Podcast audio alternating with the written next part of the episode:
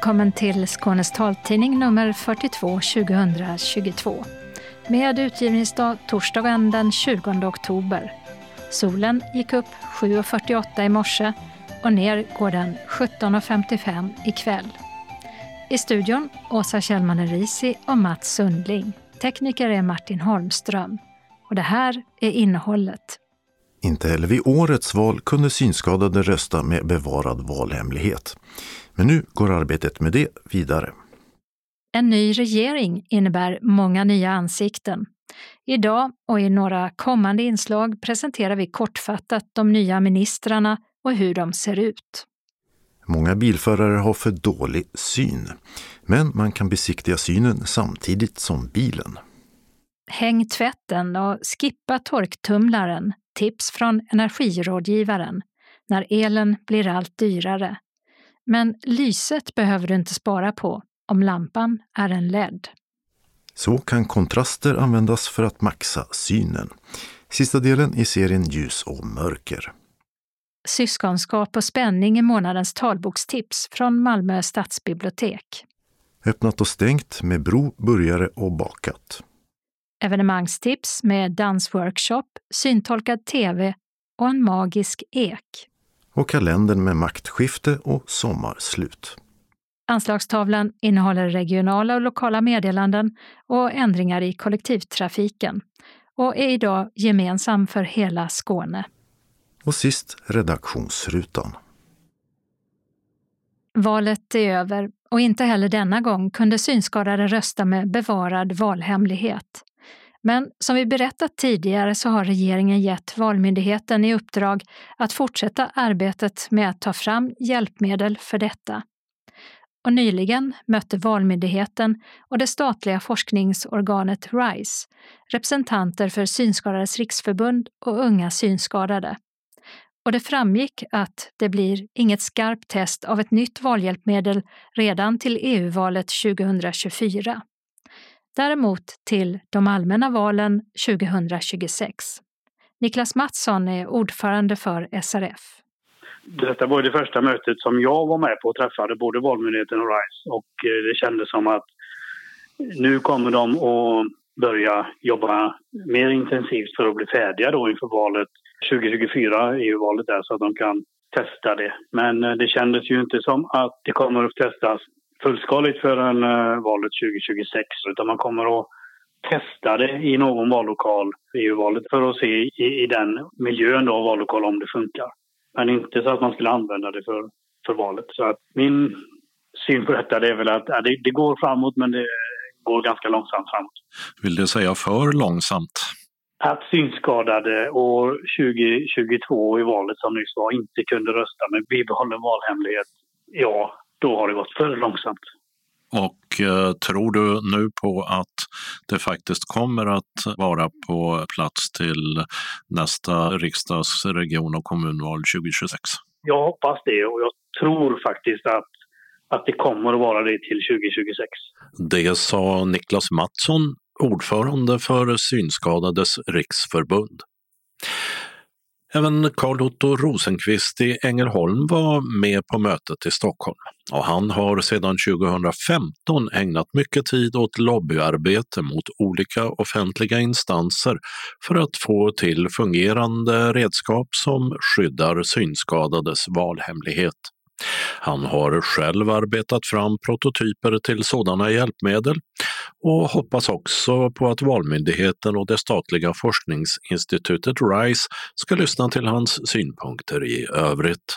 Det ser bra ut, måste jag säga. Valmyndigheten har ju fått det här uppdraget och anlitat eh, RISE som ska hålla i själva utvecklingen och testning och liknande av prototyperna.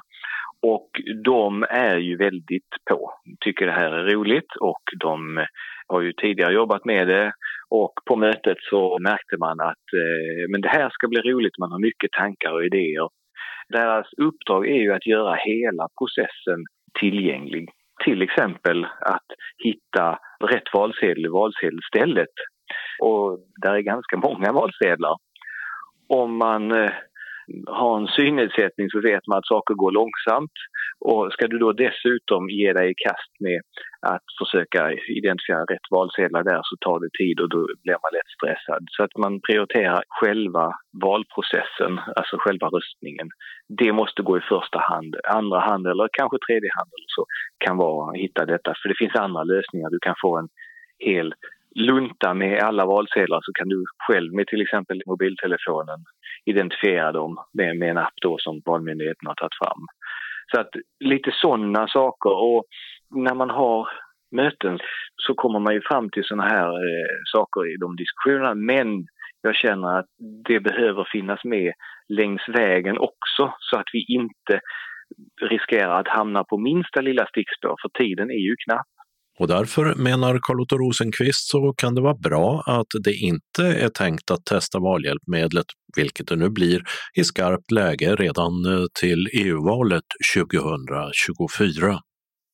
Eftersom att det ändå inte blir ett skarpt val så har man ju lite mer tid på sig och i sitt lobbyarbete mm, så är Carl Otto Rosenqvist alltså inte representant för någon intresseorganisation. Jag har fokuserat på att, att vara med i processen oaktat eh, vem jag representerar. För att en extra eh, liten input är väl det jag tänker mig att kunna vara i det här projektet. När regeringsuppdraget kom så tänkte jag ja, det känns faktiskt väldigt roligt att det ska kunna gå att rösta 2026. Det sa Carl Otto Rosenqvist, uppfinnare och lobbyist. Vi hörde även SRFs ordförande Niklas Mattsson. Reporter var Dodo Parikas. Och I löpsedeln på vår hemsida finns länkar till några tidigare inslag om hur synskadades valhemlighet ska kunna skyddas. I tisdags läste den nya statsministern Ulf Kristersson upp sin regeringsförklaring. Och där nämnde han också funktionshinderpolitiken i några meningar och sa att personer med funktionsnedsättning ska kunna vara fullt delaktiga i samhället utan att utsättas för diskriminering. Att integrera funktionsrättsperspektivet i fler samhällsområden är fortsatt i fokus, sa han. Och att åtgärder för ett statligt helhetsansvar för personlig assistans inom ramen för LSS ska övervägas. Ulf Kristersson presenterade även alla ministrar som nu tar plats i regeringen. Och I några kommande inslag ska vi kortfattat presentera var och en och även ge en liten bild av hur de ser ut. Så här lät det först i riksdagen. Tack för det. Låt mig då, herr talman, till sist anmäla de statsråd som tillsammans med mig kommer att ingå i regeringen. E Statsminister Ulf Kristersson, Moderaternas partiledare, är 58 år. Han föddes i Lund och har varit ordförande för Moderata ungdomsförbundet MUF, socialborgarråd i Stockholm och socialförsäkringsminister i regeringen Reinfeldt. Kristersson som är utbildad civilekonom har brunt hår med benan på vänster sida. Ansiktsformen är åt det fyrkantiga hållet och han bär glasögon med ganska små runda bågar i metall. Han har blå ögon och är nästan blind på höger öga. När Kristersson läste upp regeringsförklaringen var han klädd i mörk kostym, vit skjorta och mörkblå slips. Kristersson är 169 centimeter lång. Det blir en utrikesminister med skånsk bakgrund, moderaten Tobias Billström. Han är född i Fosie utanför Malmö och har examen i historia både vid Lunds universitet och Cambridge. Riksdagsledamot har han varit i 20 år och är också Moderaternas gruppledare i riksdagen. Tidigare har han varit migrationsminister i Fredrik Reinfeldts regering. Tobias Billström, som blir 50 nästa år, har ett ganska långsmalt ansikte och glasögon med ljust bruna, lite kraftigare bågar. Håret är ljusbrunt med sidbena åt vänster, smala läppar och blå ögon. På bilder så bär han ofta blå eller grå kostym med skjorta och slips. Den nya finansministern Elisabeth Svantesson är 54 år och föddes i Lycksele. Hon har varit Moderaternas ekonomiska talesperson, är partiets första vice ordförande och nationalekonom och har frireligiös bakgrund. Svantesson har ljusblont hår i parsfrisyr, blå ögon och bär glasögon med tunna rundade svarta bågar. Hon är ofta klädd i enkelt skurna, eleganta och enfärgade kläder, sällan i blommigt. Jakob Forssmed, Kristdemokraterna, blir ny socialminister. Han är vice ordförande i Kristdemokraterna. Forssmed, som uppger att han cykelpendlar till jobbet, får dessutom ansvar för idrottsfrågor. Han är från Sollentuna och född 1974. Jakob Forssmed har kort ljust hår och bär glasögon. Han har blå ögon och ett rödlätt helskägg. Och klädseln på riksdagens bild sticker inte ut. Blå kostym, vit skjorta och en lite röd nyans på slipsen. Justitieminister Gunnar Strömmer är bördig från Örnsköldsvik och har varit Moderaternas partisekreterare sedan 2017. Den 50-årige Strömmer har ljusbrunt, vågigt för att inte säga lockigt hår, kortklippt på sidorna. Det slätrakade ansiktet, som visar ansatser till dubbelhaka, är fyrkantigt, ögonen blå bakom fyrkantiga, tunna svarta glasögonbågar. Justitieministern är ganska kraftigt byggd och på bild syns han oftast i kavaj och vit skjorta utan slips. Moderaten Parisa Liljestrand blir ny kulturminister. Hon har varit kommunstyrelsens ordförande i Vallentuna sedan 2018 och har också arbetat som lärare och rektor i Vaxholm. Liljestrand föddes i Iran och kom som flykting till Sverige när hon var tre år. Och nu är hon 39 år gammal. Parisa Liljestrand har långt mörkbrunt hår med mittbena.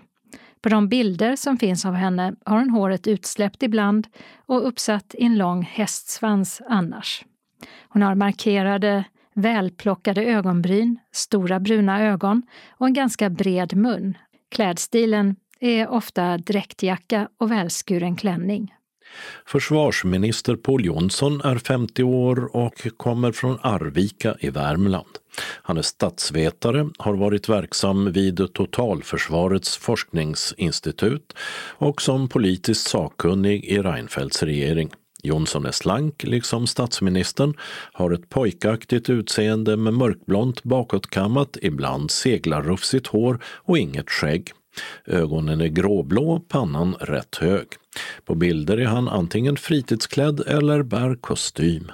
Till utbildningsminister valdes liberalen Mats Persson som bor i Lund men har rötterna i Småland. Mats Persson är 41 år och disputerad ekonom. Tidigare har han varit regionråd i Skåne 2009 till 2014. På bilder av honom är det kostym i blått, skjorta i enfärgat och slips som gäller för det mesta. Men han har även fångats på bild utan slips ibland. Ljust bruna glasögonbågar, blå ögon och kort brunt hår med sidbena hör också till bilden. Reportrar var Dodo Parikas och Åsa Kjellman Erisi. Var tionde bilförare i Sverige har så dålig synskärpa att förarna inte skulle kunna ta körkort utan att först korrigera synen med glasögon eller linser. Och då ser bilförarna så dåligt att de börjar se oskarpt på två meters håll, enligt ett pressmeddelande från Bilprovningen och Synoptik.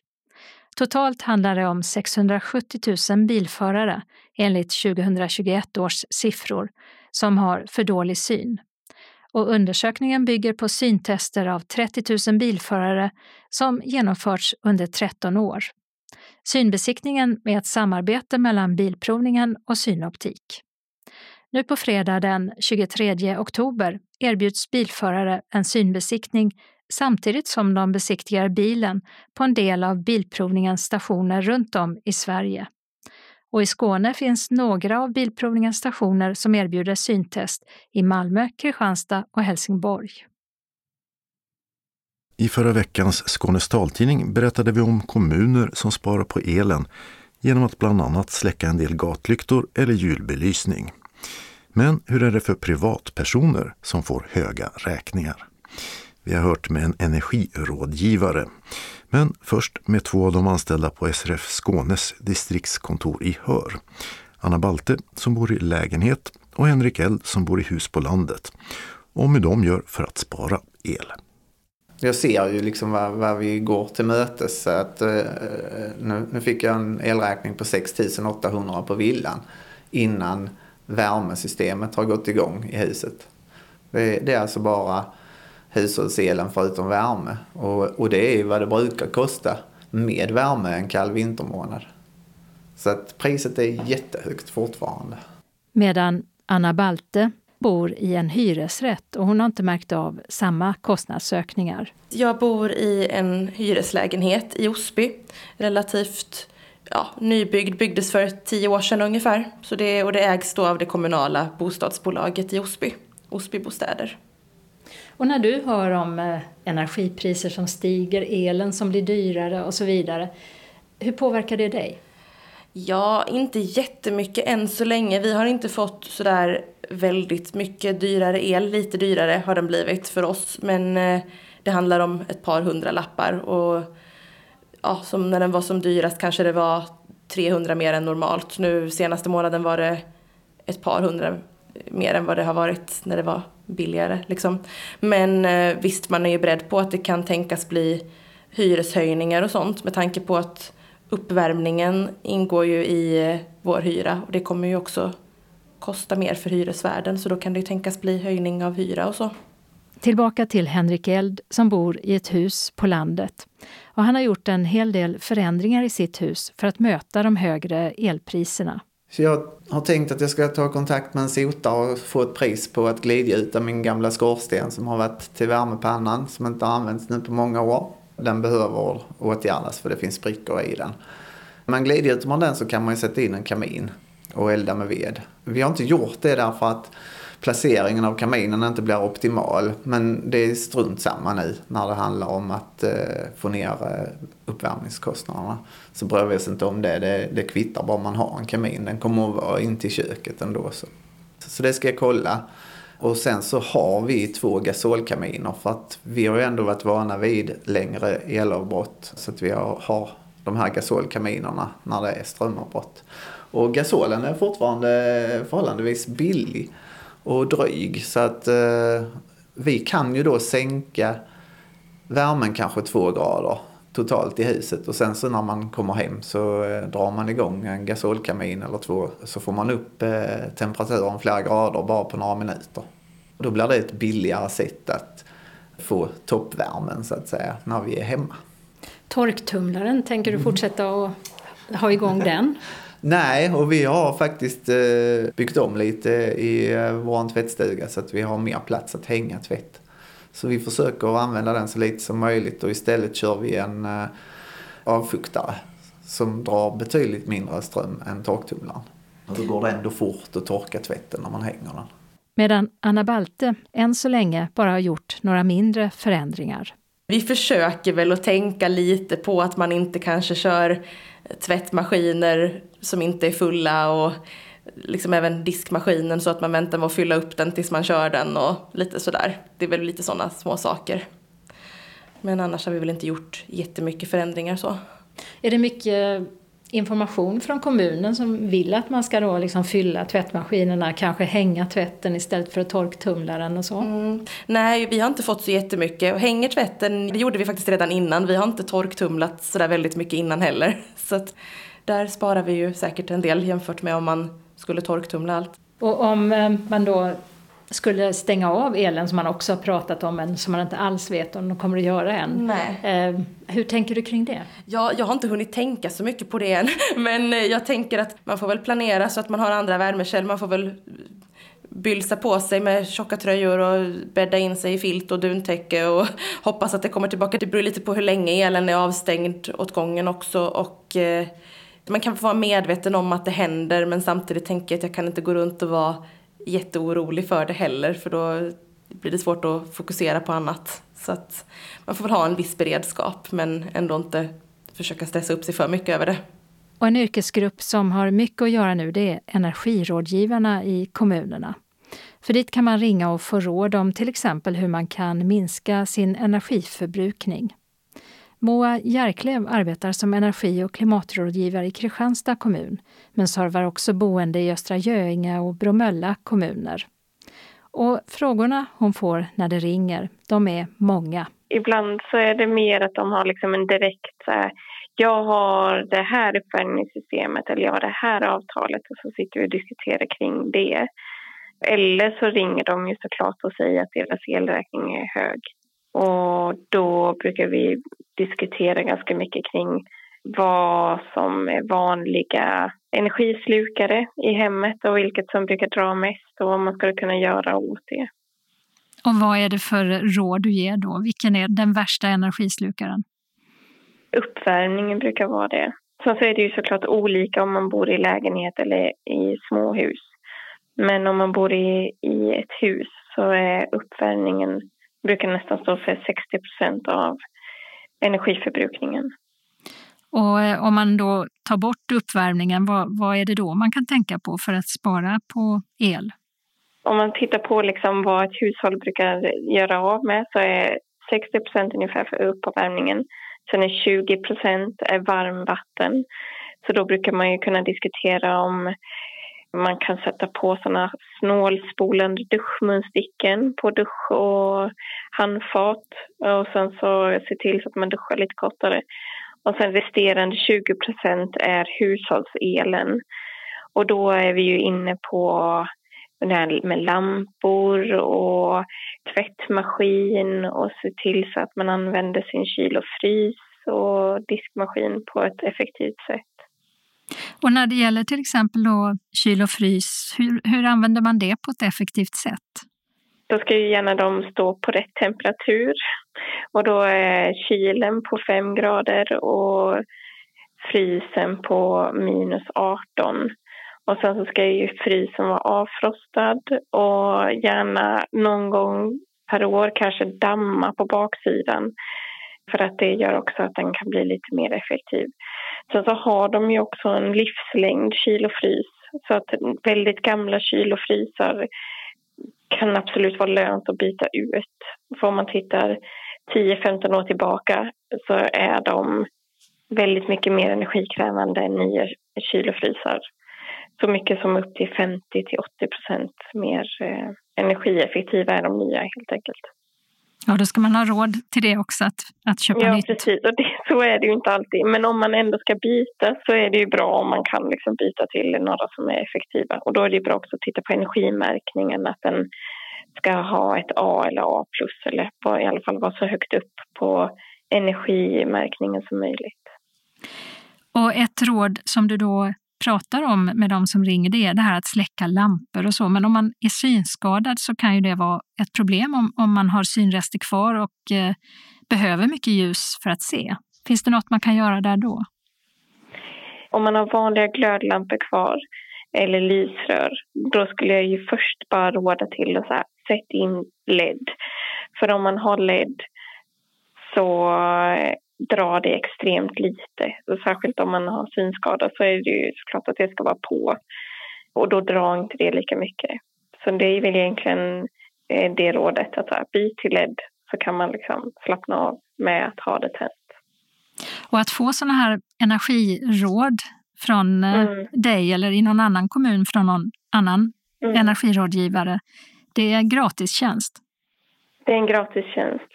Vi finns i nästan alla kommuner runt om i Sverige och våra råd är gratis och också oberoende. Och vi säljer ingenting så det är ju vi är väldigt neutrala och bra på det sättet. Åker ni också ut om man vill ha mer personlig genomgång? Vi har ju gjort det mer tidigare. Nu när det är ganska högt tryck så försöker vi ta det mesta på telefon. Och om det blir eh, för svårt eller om man liksom fastnar då försöker vi absolut hitta utrymme för att åka ut. Sist hörde vi energi och klimatrådgivare Moa Järklev. Och innan dess Anna Balte och Henrik Eld.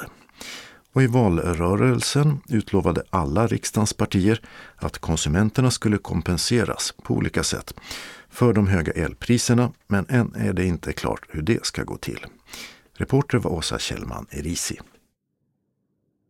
I en serie på temat Ljus och kontraster för en tydligare vardag berättar Kristin Hult, som var månadens ansikte i Skånes taltidning i maj, lite om vad som kan underlätta för personer med synrester att se så mycket det går. Hon har varit arbetsterapeut i Malmö och synpedagog på synenheten i Lund. Nu är hon pensionär, men Skånes taltidning har bett henne dela med sig av lite tips för hur man kan använda sig av ljus och kontraster för en tydligare vardag. I den fjärde och sista delen ger hon tips på hur kontraster kan användas för personer med synrester ska se så mycket som möjligt. Ja, en kontrast det är ju att den ena ytan är mörk och den andra är tillräckligt ljus. Det måste vara tillräckligt stor skillnad för att det ska bli en kontrast. Till exempel svart och vitt, det är de allra största kontrasterna. Det finns inget som är svartare än svart och inget som är vitare än vitt. När det gäller texter till exempel. När vi ska skriva, då är ju svart text på vit botten det tydligaste, eller tvärtom. Så det, det, då ser vi så många olika färger. Det är pastellfärger, det är ljusblått med vit text och det är rosa och, alla, och det är jättesvårt. Jättesvårt. Så att, eh, där önskar ju jag att man eh, lämnar färgen utanför texten så att säga. Jag önskar ju att kunskapen fanns mer om vad som är läsbart och inte. För det är där vi, vi ska ju själv ta till oss vår information. Och eh, då behöver den vara tydlig alltså. Det är viktigt. För ju mindre kontrast så att säga, desto mer flyter det ihop. Ja, precis. Det gör det. Och det är ju en myt att rött syns så väldigt bra. För rött är en färg, alla röda nyanser blöder så att säga, flyter ut. Ger ingen bra kontrast. Det är en väldigt vacker färg. Jag gillar rött på alla möjliga sätt som möbler. Jag har röd matta och jag har eh, rostrött och så. Jag gillar det verkligen alltså. Men att kunna läsa någonting där, där man verkligen behöver ha det tydligt, där, där fungerar inte rött. Och sen när det gäller texter så har det med typsnittet att göra också. Att, eh, det är mycket lättare att läsa ett rent typsnitt så att säga utan krusiduller, utan eh, seriffer som det heter. Areal och Verdana är ju två typsnitt som är tydliga och bra. Och jag markerar alltid med fet stil, alltså för då blir det ännu tydligare, då får jag ännu bättre kontrast. Så det, det är sånt man kan göra själv i sin dator och även i telefonen. Nu har jag en, en iPhone och där, där kan man ställa in stor text och även fet text. Så att det gör att jag, jag kan eh, se det bra. Jag kan ställa, få rätt bra kontraster i telefonen. Nu pratar du om läsbarhet då, till mm. exempel typsnitt och ja. det svarta mot det vita och så. Och, och eh, på vilka andra sätt finns det i vardagen kontraster som kan underlätta? Absolut, alltså vid matbordet. Så att jag som vi sitter vid nu så att säga. Jag har tagit fram lite olika exempel som jag har använt när jag har undervisat arbetsterapeuter. Jag gjorde ju det i Lund i många år och eh, då tog jag med mig de här sakerna så de, skulle, de fick prova praktiskt. Det här som du har dukat på bordet med nu, vad kan du berätta om det? Att det har, det har stor betydelse vilket underlag, vilken färg man har på underlaget, vilken duk man har till exempel. Jag har helt gått ifrån mönstrade dukar, även om jag tyckte det var väldigt roligt med olika mönster. Men det svaga ögat hittar inte grejerna som ligger där. Så här vet ju jag att jag har lagt ett par glasögon någonstans, men jag ser dem inte. Och eh, där står en, en genomskinlig glastallrik också på den här mönstrade duken. Och det, jag, jag, vet att den finns, men jag ser den inte. Så att eh, mönster, är, har man problem med det, att man inte hittar sina saker, så ska man ha enfärgade dukar, enfärgade underlägg. Överhuvudtaget mönster, det, det mönster jag har det är ju en matta till exempel här, har jag ett mönster. Men annars så undv- jag har lite mönstrade servetter ibland och så för jag tycker det är kul.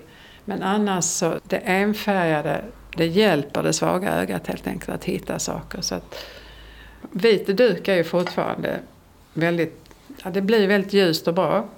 Men har jag en vit tallrik på en vit duk, då är det jättesvårt. Och ett genomskinligt glas på en vit duk. Men har jag ett lite färgat glas kan man ha, då ser jag det bättre. Ännu bättre tycker jag är ett glas med en, med en kant. Jag har ett glas här med mörkblå kant längst upp. För då ser jag precis vad jag ska hälla. Och nu är det inte så lätt att hitta sådana glas men det finns fortfarande ett glasbruk i Småland som heter Bergdala. där man tillverkar. Så jag har köpt glas där. Och när det gäller servis, så bara att man har en kant runt en tallrik gör ju att, att det blir mycket lättare att hitta. Kunna använda tallriken liksom så man inte spiller. Så det är lite sånt här som man kan tänka på. Och svart. Nu har jag ställt en svart mugg på en svart duk här. Jag ser den inte. Jag kan se lite skiftningar men när jag höll på med detta välte jag ut den direkt. Alltså. Men kan man då ha vitt istället. Du har lagt ut lite olika dukar på bordet så att den ena är mönstrad och en, en är vit och en är svart och så har du ställt ja, saker på det då för att demonstrera ja, olika kontraster. Precis, ja. Så att, eh, för, för alla så, vi vill ju inte välta ut saker när vi sitter. Det, det, det, har man gjort det några gånger så blir man så trött på det så att då är det jätteskönt att ha saker som man ser. Jag måste säga att jag tänker hela tiden på detta. Jag har blivit så van så när jag, det är ju likadant i köket att jag använder svarta eller vita skärbrädor. För det, en svart skärbräda, där ser jag mycket bättre. Till exempel om jag skär grönsaker och frukt och sådär. Och i kaffeburken, varför ska vi ha ett svart mått i kaffeburken när det finns alla andra färger? Ett vitt, mycket lättare att se. För det följer ofta med kaffebryggaren ett, ett mörkt eller ett svart kaffemått. Men varför ska vi ha det? Och i mjölpåsen, varför ska vi? Vi kan ju ha ett svart mått. Det har jag också, jag använder det för personer som har synrester kvar så, så kan man underlätta i vardagen just genom de här kontrasterna. Absolut. Den stora gruppen av oss med synnedsättning ser ju lite grann i olika grad. Märker man att man inte hittar, inte ser, välter ut, då, då kan man prova att ändra på, på och skapa kontraster helt enkelt själv. Mörkblått, jag har mycket som är mörkblått, det ser du. Jag har mycket mörkblått mm. glas.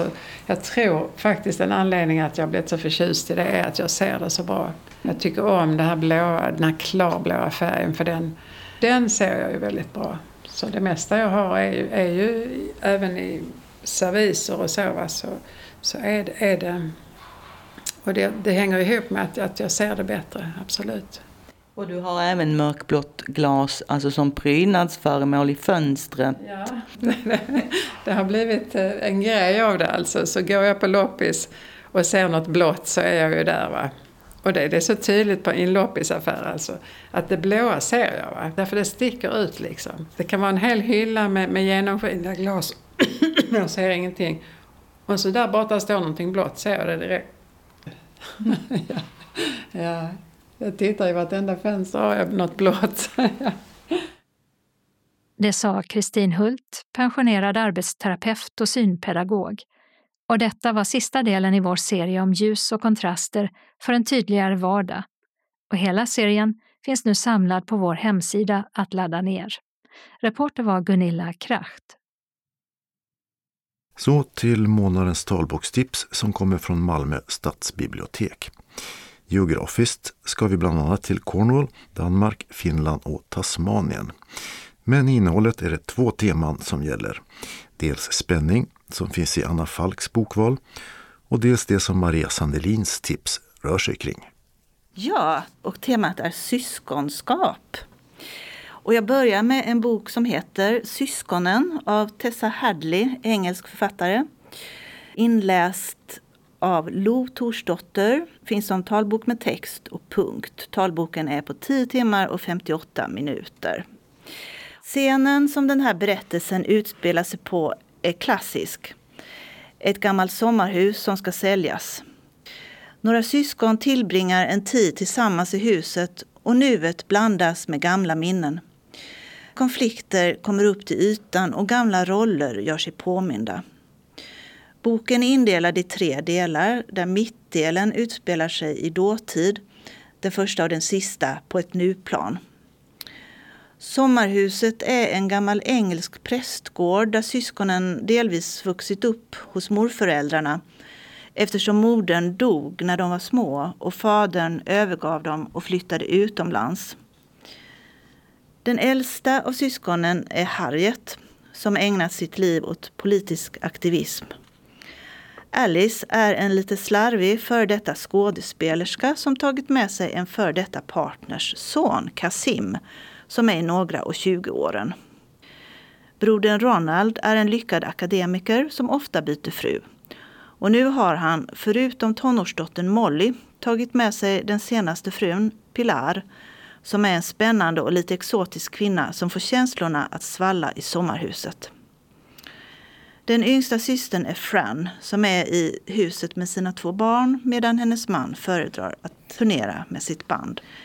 Allt eftersom dagarna går så utkristalliserar sig två kärlekspar som allting i slutändan kretsar kring. I långa stycken är berättelsen ganska stillsam på ytan.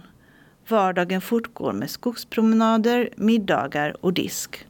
Men slutet är dramatiskt och oväntat. Jag är ensambarn. Vad är du? Jag är äldst av tre.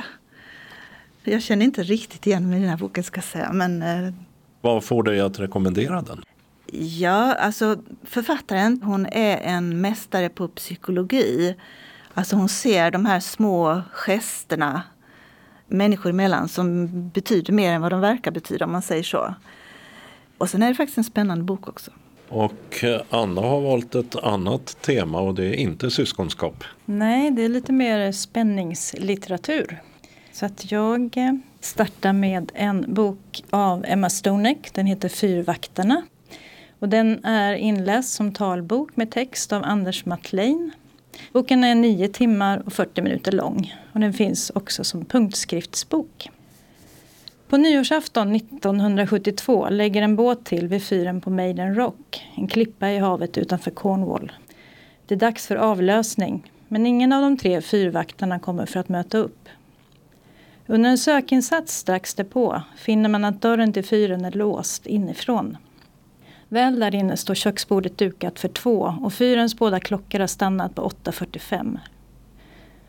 Och jag läser lite högt här ur boken när sökinsatsen kommer in. Fyrvaktarnas oljerockar hänger i skuggorna som fiskar på krok. Deras namn ropas genom en manlucka i taket och löper i spiraler uppför trappan. Arthur, Bill, Vincent. Vince, är du där? Bill. Det är kusligt hur deras levande röster skär oförskämt högljudda genom tystnaden. En obeveklig tystnad. Männen väntar sig inget svar. Trident sa åt dem att det var ett räddningsuppdrag, men att det gällde likbärgning. Några tankar om att fyrvaktarna ska tagit sig ut har de inte längre. Dörren var låst. De är här inne, någonstans. Ja. 20 år senare har fruarna Helene, Jenny och Michelle fortfarande inte fått några riktiga svar på vad som kan ha hänt. Vi möter dem 1992 när en författare söker upp var och en av dem för sin bok om händelsen. Nu börjar de berätta sina olika versioner av historien och det är de läsaren tar del av parallellt med skildringen av fyrvaktarnas liv veckorna före nyårsafton. Det är hårt och instängt och med mycket tid som ska slås ihjäl. Lätt att bli galen här, tänker man som läsare. Och relationen mellan männen är förvisso kamratlig men med tiden blir den minst sagt ansträngd. Och som i de bästa av psykologiska thrillers kommer hemligheter fram och sanningar och lögner avlöser varandra. Både på land och till havs. Det här är Emma Stonecks debutroman och hon har hämtat inspiration från en verklig händelse. För i december år 1900 försvann tre fyrvaktare från en fyr på ön Eilean Moore i Yttre Hebriderna och det är fortfarande ett mysterium som fascinerar och som ingen lyckats lösa.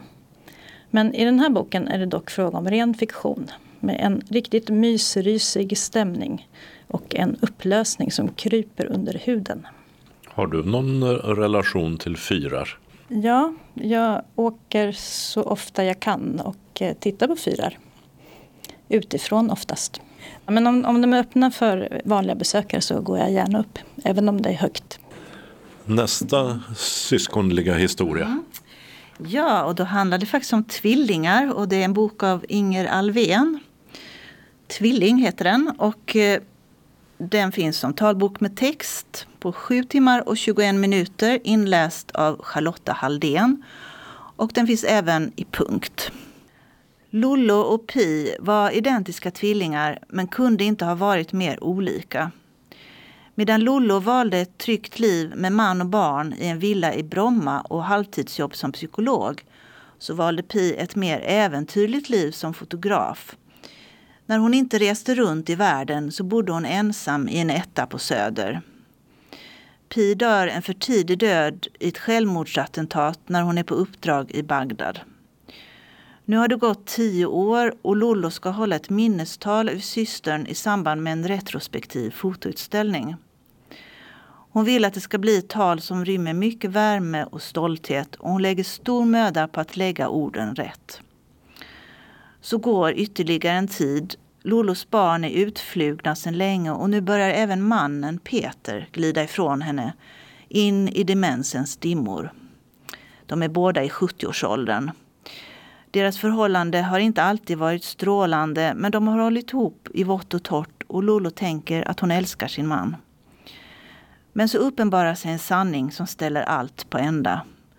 Lollo vill först inte ta in den, skjuter den ifrån sig men måste till slut se sanningen i vitögat. Hur ska hon göra nu i resten av sitt liv? Det här är en relationsroman och en psykologisk roman som ställer frågan vad man vet om andra människor och om sig själv. Och om vad som är möjligt att förlåta. Samtidigt är det en bok om människor som blev vuxna på 1970-talet och om de frågor som då var aktuella. Om olika livsval och om förhållandet mellan könen. En spännande bok med oväntade vändningar. Har Inger Alvén till dina favoriter?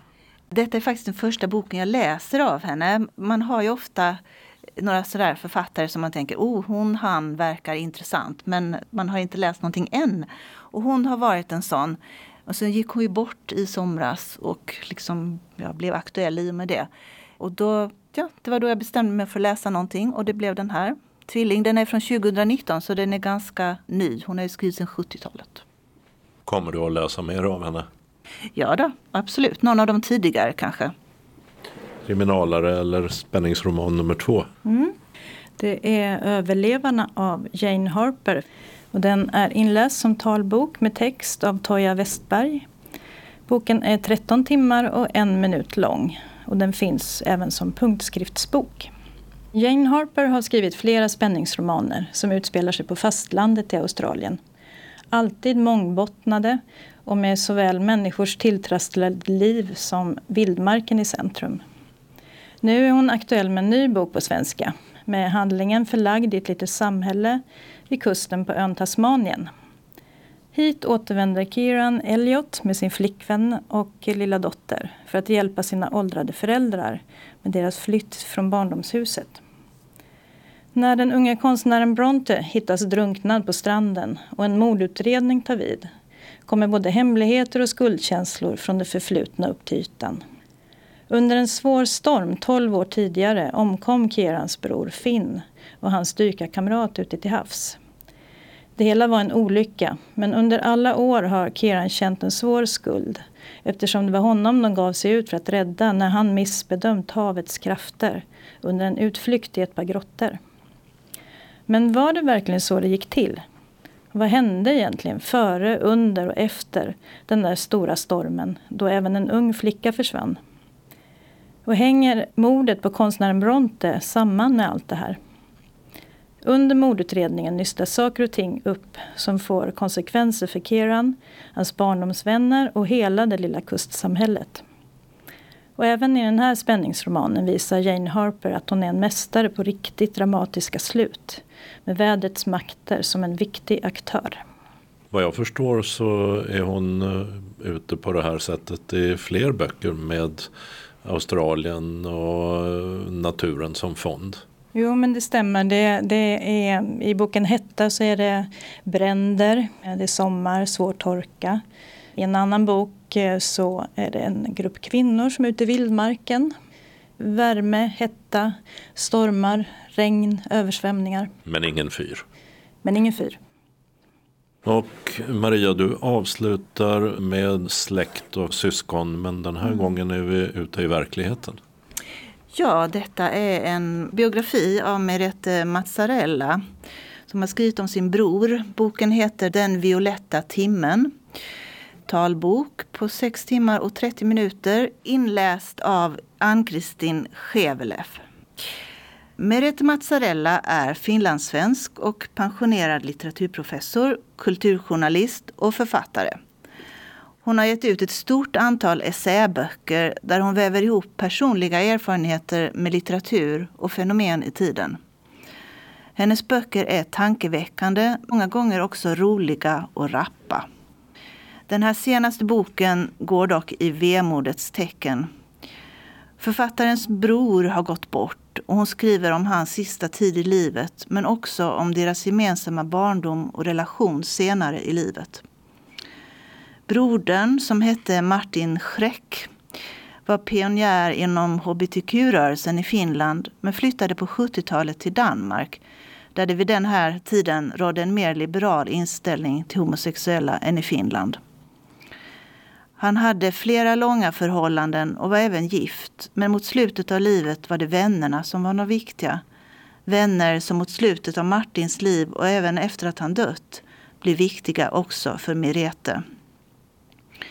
Syskonen var olika sinsemellan och som så ofta syskon emellan så fanns det spänningar.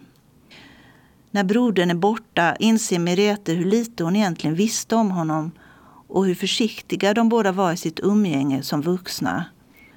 Det fanns delar av broderns liv som Merete inte ville veta så mycket om och annat som hon lät bli att fråga om av förment hänsynsfullhet. Den här boken handlar om sorg och förlust men också om förlåtelse och försoning och betydelsen av att ta vara på varandra medan man har varandra. En trots allt ljus bok. Det menade Maria Sandelin på Malmö stadsbibliotek om Merete Massarellas Den violetta timmen, som för övrigt inläst på finlandssvenska. Övriga böcker hon och Anna Falk tipsade om var Syskon av Tessa Headley, Fyrvaktarna av Emma Stonex, Tvilling av Inger Alvén och Överlevarna av Jane Harper. Reporter var Dodo Parikas. Öppnat och stängt. Den klassiska Malmökrogen La Couronne på Södra Förstadsgatan 36 har försatts i konkurs och stängt. Här serverades smaker från framförallt det franska köket. I Skurup har bufférestaurangen Baked and Grilled, som öppnade för bara ett halvår sedan, stängt. Restaurangen ligger intill Willys i Skurup med adressen Korrehusgatan 12. Vid stranden i Vitemölla har en ny bro anlagts över Mölleån. Detta efter att den gamla bron var i dåligt skick. På Ystads ridklubb har en ny kafeteria invigts. Även nya omklädningsrum som man kan komma till med hiss samt nytt kontor och kök har tagits i bruk. Adressen är Bredastensvägen 30 till 36 i Köpingebro.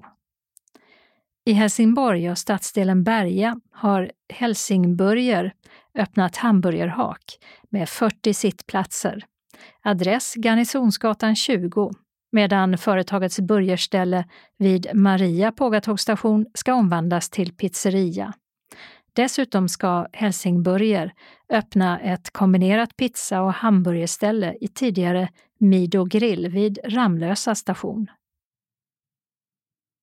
Evenemangstipsen börjar med en dansworkshop på Skånes dansteater söndag den 30 oktober dit alla, oavsett funktionsnedsättning, är välkomna och ingen danserfarenhet behövs. Workshopen kallas Sunday med Sindri och det är dansaren och koreografen Sindri Runudde, som själv har en grav synnedsättning, som håller i den. Mellan klockan 11 och 16 får man, som det heter, möjlighet att utforska dans och koreografiska metoder och prova material ur den kommande föreställningen. Med kraft från radikal pedagogik arbetar Sinder utifrån premissen att varje kropp har kunskap och varje berättelse en dans, citerar vi. Sindri Runudde har gjort ett antal dansföreställningar och här i taltidningen var han månadens ansikte i april 2014. Den som prenumererar på våra nöjesmail får en länk till porträttet här. Det är begränsat antal deltagare så föranmälan krävs via telefon 0703 44 58 11 eller mejla dialog skanestansteater.se. I workshoppriset som inte anges ingår även lunch och fika. Och den kommande föreställningen med Sindre Runöde heter i sin tur Snäcka som är med dansare som är 60 plus. Den ges fredag den 18 november klockan 19 och lördag den 19 november klockan 18 och är 35 minuter lång. Dit är inträdet 80 kronor. Skånes dansteater har också sin fjärde dansfunkfestival med tillgänglighetens estetik som tema och ett par syntolkade inslag som vi ber att få återkomma till. Lite syntolkad TV så. Utbildningsradion har gjort en serie som heter Pulslek som i söndags hade premiär på SVTB och går kring klockan 14 varje vecka. Den riktar sig till grundskoleelever upp till treans årskurs och en serie på 23 minuters episoder med beskrivningar över hur olika lekar går till som barn brukar leka. Med danser och rörelser för alla tillfällen och syftet är att inspirera barnen till rörelse under hela dagen. Och hela serien finns redan på UR Play. Och där finns nu också säsong 2 av serien Superföräldrar 2 syntolkat. Det är en talkshow med och för föräldrar som har barn med neuropsykiatrisk funktionsnedsättning. Med inbjudna experter på var område som kommer att tas upp i de sex halvtimmes långa avsnitten. Nu på söndag den 23 oktober uppmärksammas Förenta Nationerna på kulturen i Lund. Klockan 11.30 föreläser Svenska FN-förbundets generalsekreterare Cecilia Tengroth och 13.30 talar Gunilla Hedenberg, intendent på FNs tidigare generalsekreterare Dag Hammarskjölds museum på Backåkra. Entrén till kulturen kostar 90 kronor, pensionärer betalar 70 och studenter 45 kronor. Musikern Daniel Lemma, skådespelaren Marie Delleskog samt blues och jazzgitarristen Mats Eriksson har tillägnat poeten och författaren Karin Boye en konsert och uppläsningsafton den 28 oktober klockan 18-20 i Gustav Adolfs kyrka på Karl Kroks gata 36 i Helsingborg. Tixter säljer biljetterna som kostar 295 kronor. Så går vi till Stenshuvud och Naturum där som i samarbete med Simrishamns bibliotek har en aktivitet för 4 till 9-åringar fredagen den 28 oktober då höstlovet börjar. Då, lagom till halloween, får barnen veta mer om jättar, troll och andra läskiga väsen. Och djur och natur dessutom under en magisk ek där berättelserna börjar klockan 14. Föranmälan görs till Naturum på telefon 0414 708 82. I Lunds allhelgonakyrka spelas det upp till körkonsert lördag den 29 oktober 18 till 19. Det är fri entré och på programmet står Tor W. Ås Gloria. Söndag den 30 oktober bjuds det på orgelkonsert i samma kyrka med Sofia Östling som spelar César Frank klockan 17 med anledning av den kompositörens 200-årsjubileum. Även dit är det fri entré. De engelska författarsystrarna Brontes värld är temat för ett program på Hässleholms stadsbibliotek den 1 november klockan 19 till 20. Med översättarna Anna-Karin Malmström Erling och Per-Ove Erling som har gjort de första översättningarna sedan mitten av 1800-talet av Charlotte Brontes romaner Villette, Professorn och Shirley. Det är fri entré och gästerna bjuds på kvällste och tilltugg i Victorians anda. Tekoppen ska bokas några dagar i förväg på telefon 0451 267 100 eller via e-post till stadsbiblioteket snabel hassleholm.se. Och den 14 november, också klockan 19 20, kan den som vill kura skymning på Hässleholms stadsbibliotek. Då föreningen Norden inbjuder till ett program under Nordisk litteraturvecka. Och skådespelaren Fredrik Gunnarsson läser högt ur Patrik Svenssons bok Ålevangeliet. Även då är det fri entré men ingen tebjudning. Småkusligt på Kärnan, Sagor och sägner, är en högläsningskväll med vinden vinande kring fönstren i Kärnan, alltså tornet som är Helsingborgs landmärke ovanför Stortorget. Fyra tillfällen blir det, den 1 och 2 november, bägge kvällarna 18 till 19 samt 19.30 till 20.30. Den senare föreställningen är för barn över 12 samt vuxna, medan yngre är välkomna till den senare. Dunkers säljer biljetterna som kostar 80 kronor. Torsdag den 3 november 19 20 är det dags för en värld av eget slag på Palestra ett Odium i Lundagård. I Lund då alltså. Föreläsaren Patrik Andersson och pianisten Marcus Kvint utlovar en, vad det heter, tonande akusmatisk värld som bjuder på upplevelser av estetisk och affektivt slag. Där lyssnaren kan följa musiken bit för bit. Allt enligt arrangörerna. Och det är fri entré. Kriminalkommissarie Bo Lundqvist är chef för Polisregion Syds Kalla fallgrupp med nära 150 fall av ouppklarat dödligt våld sedan 1985. Och den 9 november klockan 19 till 20.30 föreläser han på Trelleborgs bibliotek om bland annat just Kalla fall med skånsk anknytning. Den 28 november på samma plats berättar författaren Katinka Linde om löjtnant Sixten Sparre och cirkusprinsessan Elvira Madigan ur Sparres bedragna hustrus perspektiv. Biblioteket säljer biljetter för 120 kronor. Med Tias lustkort kostar det 100. Och biljetter säljs även av Nortic. Den 13 november klockan 11 till 15 uppmärksammas världsdiabetesdagen på Kulturkvarteret i Kristianstad med en rad föredrag. Svenska Diabetesförbundet är arrangör och det är fri entré. Den egentliga världsdiabetesdagen infaller dagen därpå, den 14 november.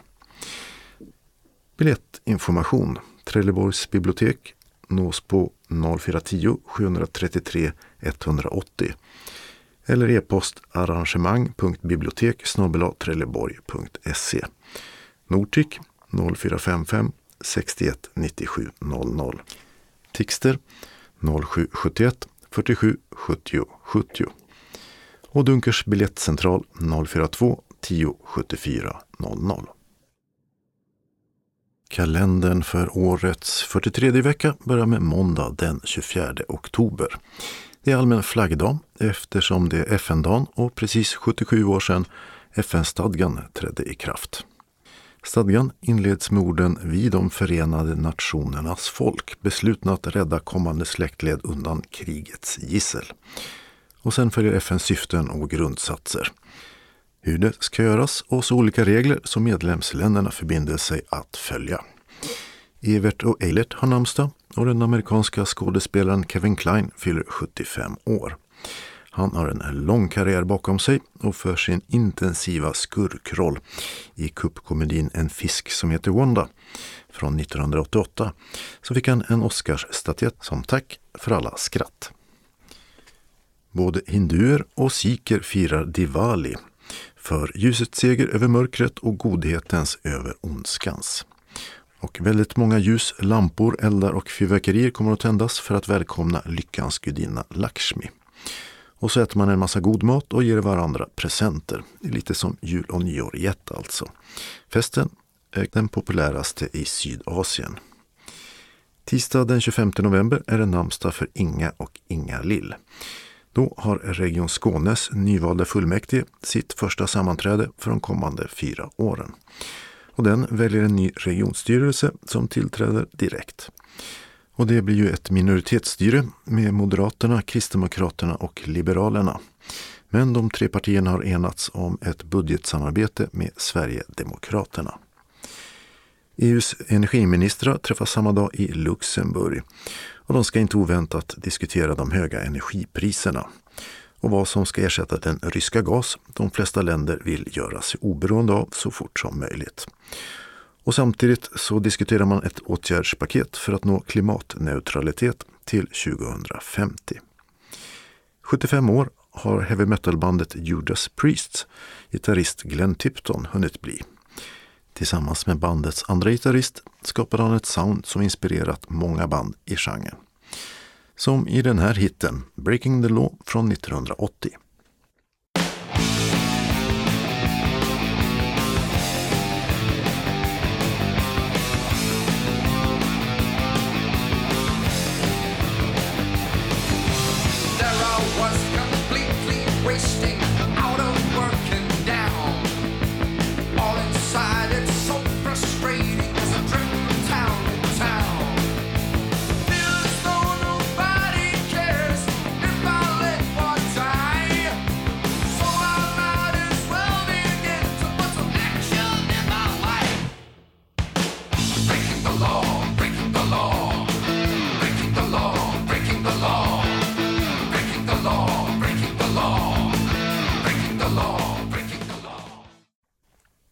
Onsdag den 26 oktober är det dags för partiledardebatt i riksdagen.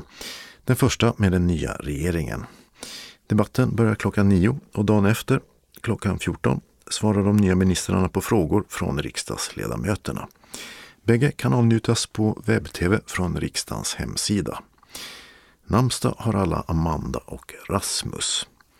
Den amerikanska demokratpolitikern Hillary Clinton har varit USAs första dam med presidentmaken Bill då. Sen utrikesminister under Barack Obama och presidentkandidat två gånger. Den senaste 2016 då hon förlorade mot Donald Trump. Den Lundafödda författaren och illustratören Cecilia Torud är kanske mest känd för sin tecknade serie Ensamma mamman. Där en definitivt oglamorös familj gör humor av vardagen.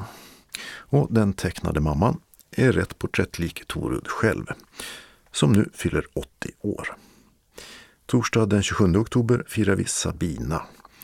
Fredag den 28 oktober har Simon och Simone namnsdag. Förr i tiden var det Simon och Judas. Om löven fallit den dagen sa man att det är ett förebud om en tidig vinter med ett milt och gynnsamt slut. I det gamla bondesamhället var slutet av oktober ett tydligt skifte från höstbruk till vintersysslorna. Lördag den 29 oktober är det namnsdag för Viola. Och innan man går och lägger sig kan det vara läge att ställa om klockan. För det vi har haft anledning att misstänka är nu ett faktum. Sommaren är över. Klockan tre på söndagsmorgonen tar sommartiden slut och vi är tillbaka i vintertid. Som alla minns vrids klockan, just det, tillbaka en timma till klockan två. Förutom en timmas längre sovmorgon på söndagen betyder det ljusare morgnar och mörkare eftermiddagar. Söndag den 30 oktober avgörs det vem som blir Brasiliens president i den andra valomgången.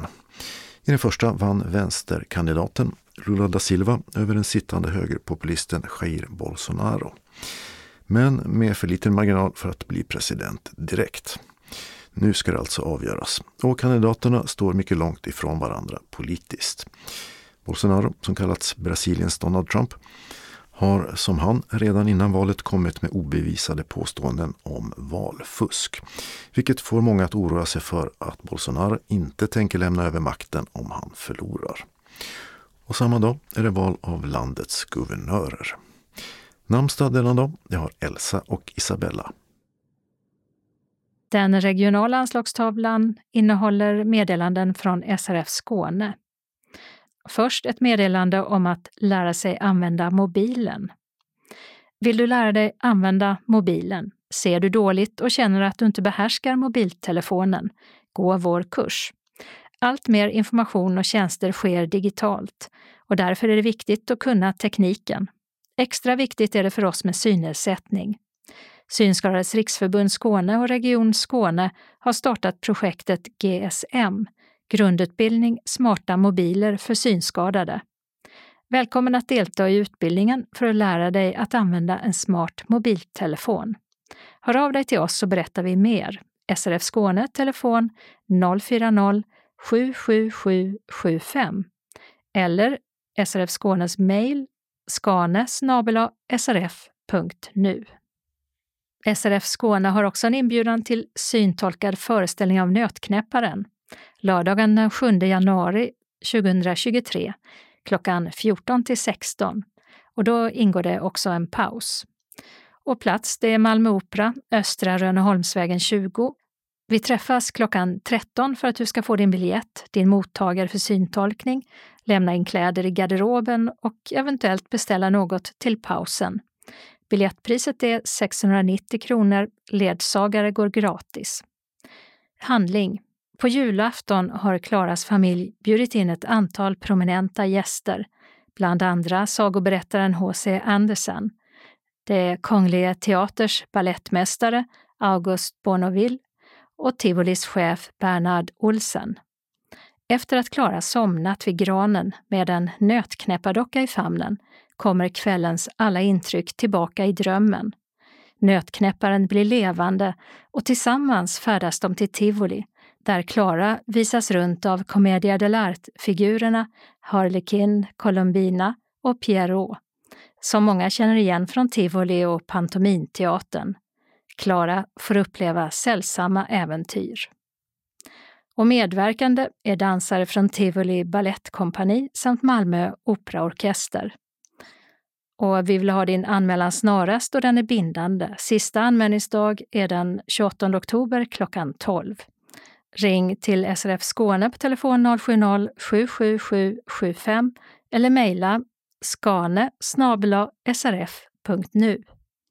Du kan betala in din biljettkostnad till bankgiro 484-0989 eller med swish på nummer 123 312 6299.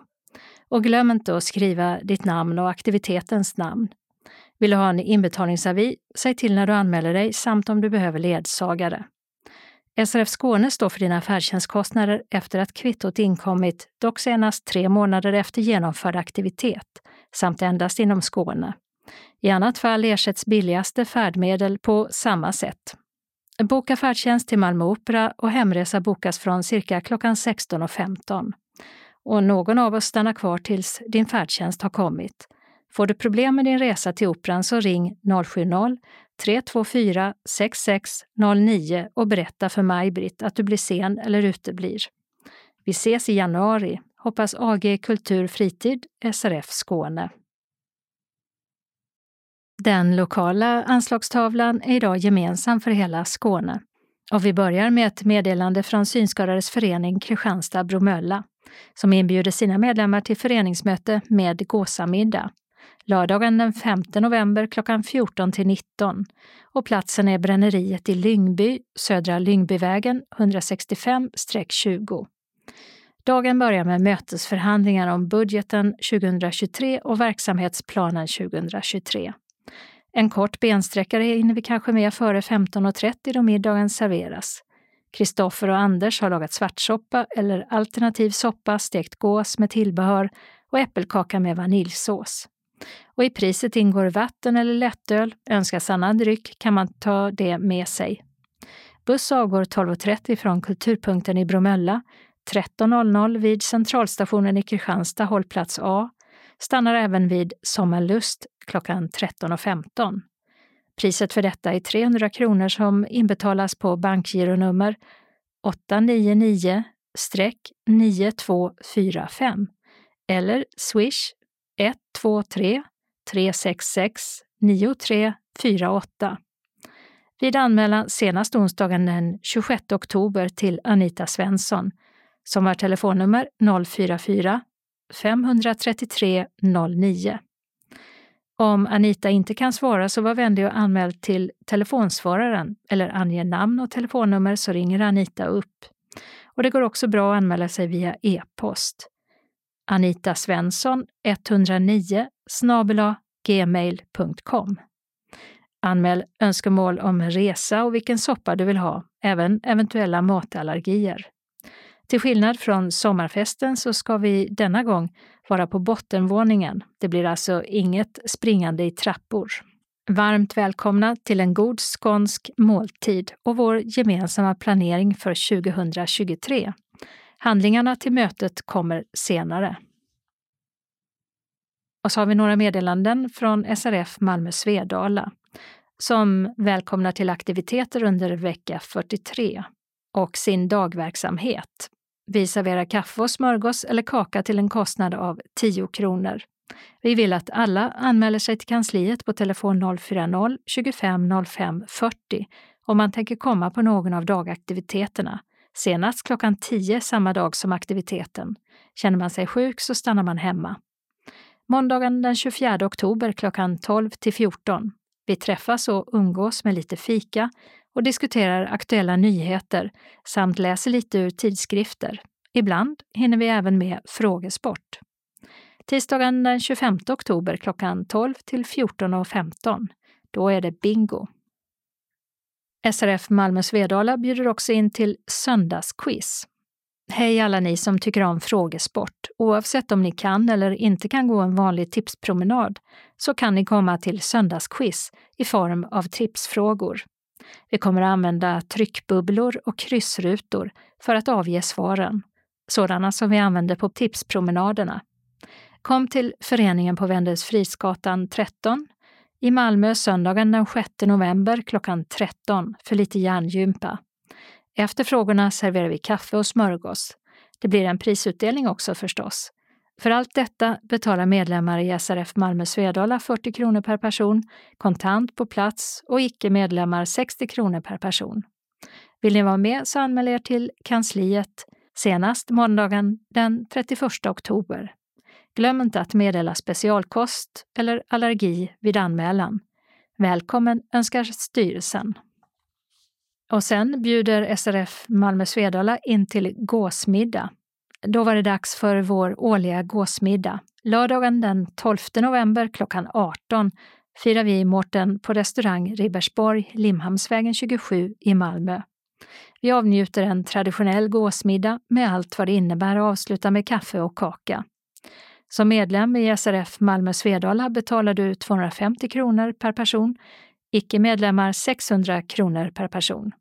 Du betalar deltagaravgiften till Bankgiro 192-9645 eller Swish 123 077 8050. Skriv gåsmiddag och deltagarens namn vid betalningen. Avgiften ska vara betald senast den 4 november.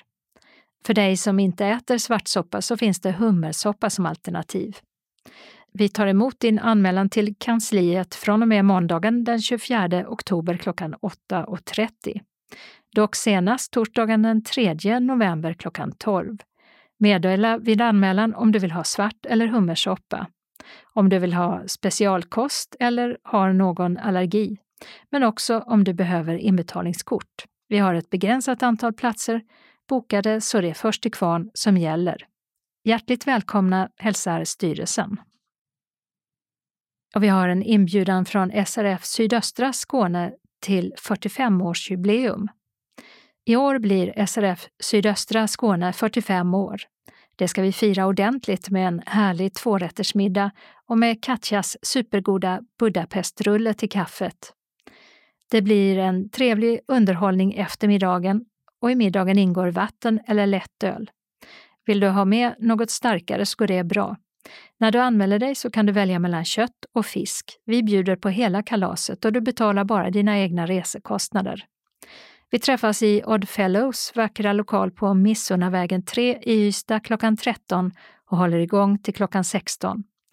Anmäl dig senast söndagen den 23 oktober till Jonny Ekström på telefon 0739 09 3945 eller mejl jonny.ekstrom srfskane.se eller Vicky Svedrell 0708 37 53 58 eller mejl streponi gmail.com. Har du frågor så ring till Jonny Ekström. Kom och fira vårt 45-årsjubileum med god mat och underhållning söndagen den 30 oktober. Varmt välkomna hälsar styrelsen. Så ett meddelande från SRF Ängelholm Båstad. Söndagen den 13 november så arrangerar SRF Ängelholm Båstad den traditionella gåsmiddagen på Nilssons festvåning i Ängelholm, Rönnegatan 2A. Föreningen bjuder nya medlemmar som tillkommit under 2022 på middagen. Ni samlas på restaurangen klockan 14.30 för en välkomsthälsning. Samling för övriga medlemmar med mingel klockan 15 för att klockan 16 avnjuta en trerättersmeny. Den består av förrätt svartsoppa eller svampsoppa, huvudrätt gås med tillbehör och som avslutning äppelkakan med kaffe efter maten. I priset ingår vatten eller lättöl. Man kan köpa till ett vinpaket som består av ett glas sherry, ett glas rött vin med påfyllning samt ett glas portvin som du betalar på plats för 240 kronor. Du betalar som medlem 200 kronor för middagen. Stödjande medlem som är ledsagare till en synskadad betalar samma pris och förväntas hjälpa två synsvaga medlemmar. Behöver du ledsagare men inte har någon egen anmäler du det när du bokar, liksom specialkost och allergier. Övriga betalar fullt pris som är 425 kronor. Bindande anmälan och betalning senast den 6 november. Och du anmäler dig till Lisbeth Malmborg telefon 0702 42 60 74 eller mejl liss.malmborg gmail.com och Liss stavas med två Z.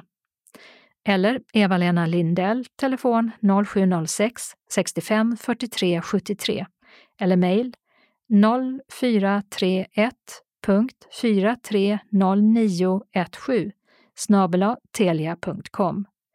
Betala in på bankgiro 5972-8915 eller swish 123 130 7214. Välkomna hälsar styrelsen. Och så har vi en rättelse om Öppet hus som är den 26 oktober på Torgträffen, Gasverksgatan 25 i Ängelholm klockan 14 till 16 och ingen anmälan behövs. Och det här är ett nytt datum eftersom det tidigare datumet om öppet hus i oktober felaktigt angavs till den 28 oktober. Men det är alltså den 26 oktober som gäller. Och så har vi några tillfälliga ändringar i kollektivtrafiken och först gäller det Malmö. På grund av ett arbete med rivning av en bro så stängs delar av Munkhättegatan för genomfart som påverkar resenärer på linje 2 och 84 fram till den 25 november. Det innebär att hållplats Högaholm läge A stängs. Resande med busslinje 2 mot Kastanjegården och mot Lindängen Nydala får istället gå till hållplats Kungsörnsgatan, läge A på Munkhättegatan. Även hållplats Högaholm, läge B, stängs och resande med linje 2 mot Centralen och 84 mot Stadion hänvisas till hållplats Kungsörnsgatan, läge B. Hållplats Almviksgången, läge A, stängs och resande med linje 2 mot Kastanjegården och 84 mot Lindängen Nydala hänvisas till hållplats Kungsörnsgatan, läge A, på Munkhättegatan.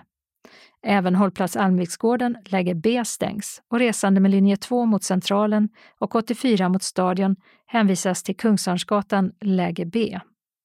Hållplats Lindängen, läge A, dras in för linje 2 och 84 och resande mot Centralen hänvisas till hållplats Lindängsstigen, läge B på Lindängsvägen. Resande med linje 84 mot Stadion hänvisas till hållplatserna Kungsörsgatan, läge B och Fosie kyrka, läge A. Även läge B dras in och resande med linje 2 mot Kastanjegården hänvisas till hållplats Lindängsstigen, läge A. Resande med linje 84 mot Lindängen Nydala hänvisas till hållplatserna Kungsörnsgatan, läge A på Munkhättegatan och Fosie kyrka, läge B.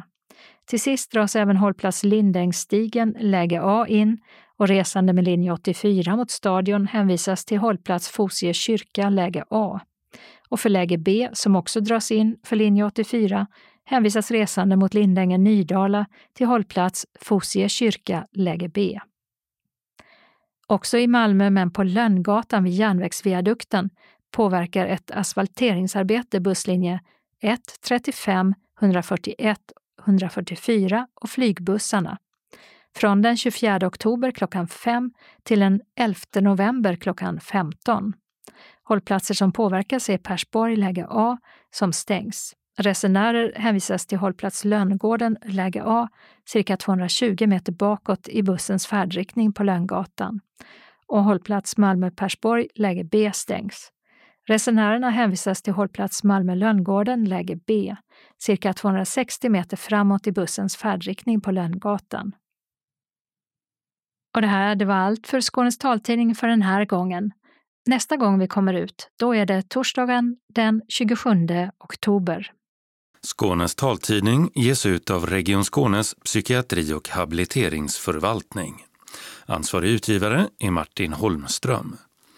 Postadress Jörgen Ankersgatan 12, 211 45 Malmö. Telefon 040-673 09 70. E-post Skanes taltidning snabela skane.se och hemsida skanestaltidning.se. Observera att CD-skivorna inte ska skickas tillbaka till oss. Såväl skivor som kuvert kan läggas i brännbara sopor när ni inte längre vill ha dem. Vi hörs igen. Hej då!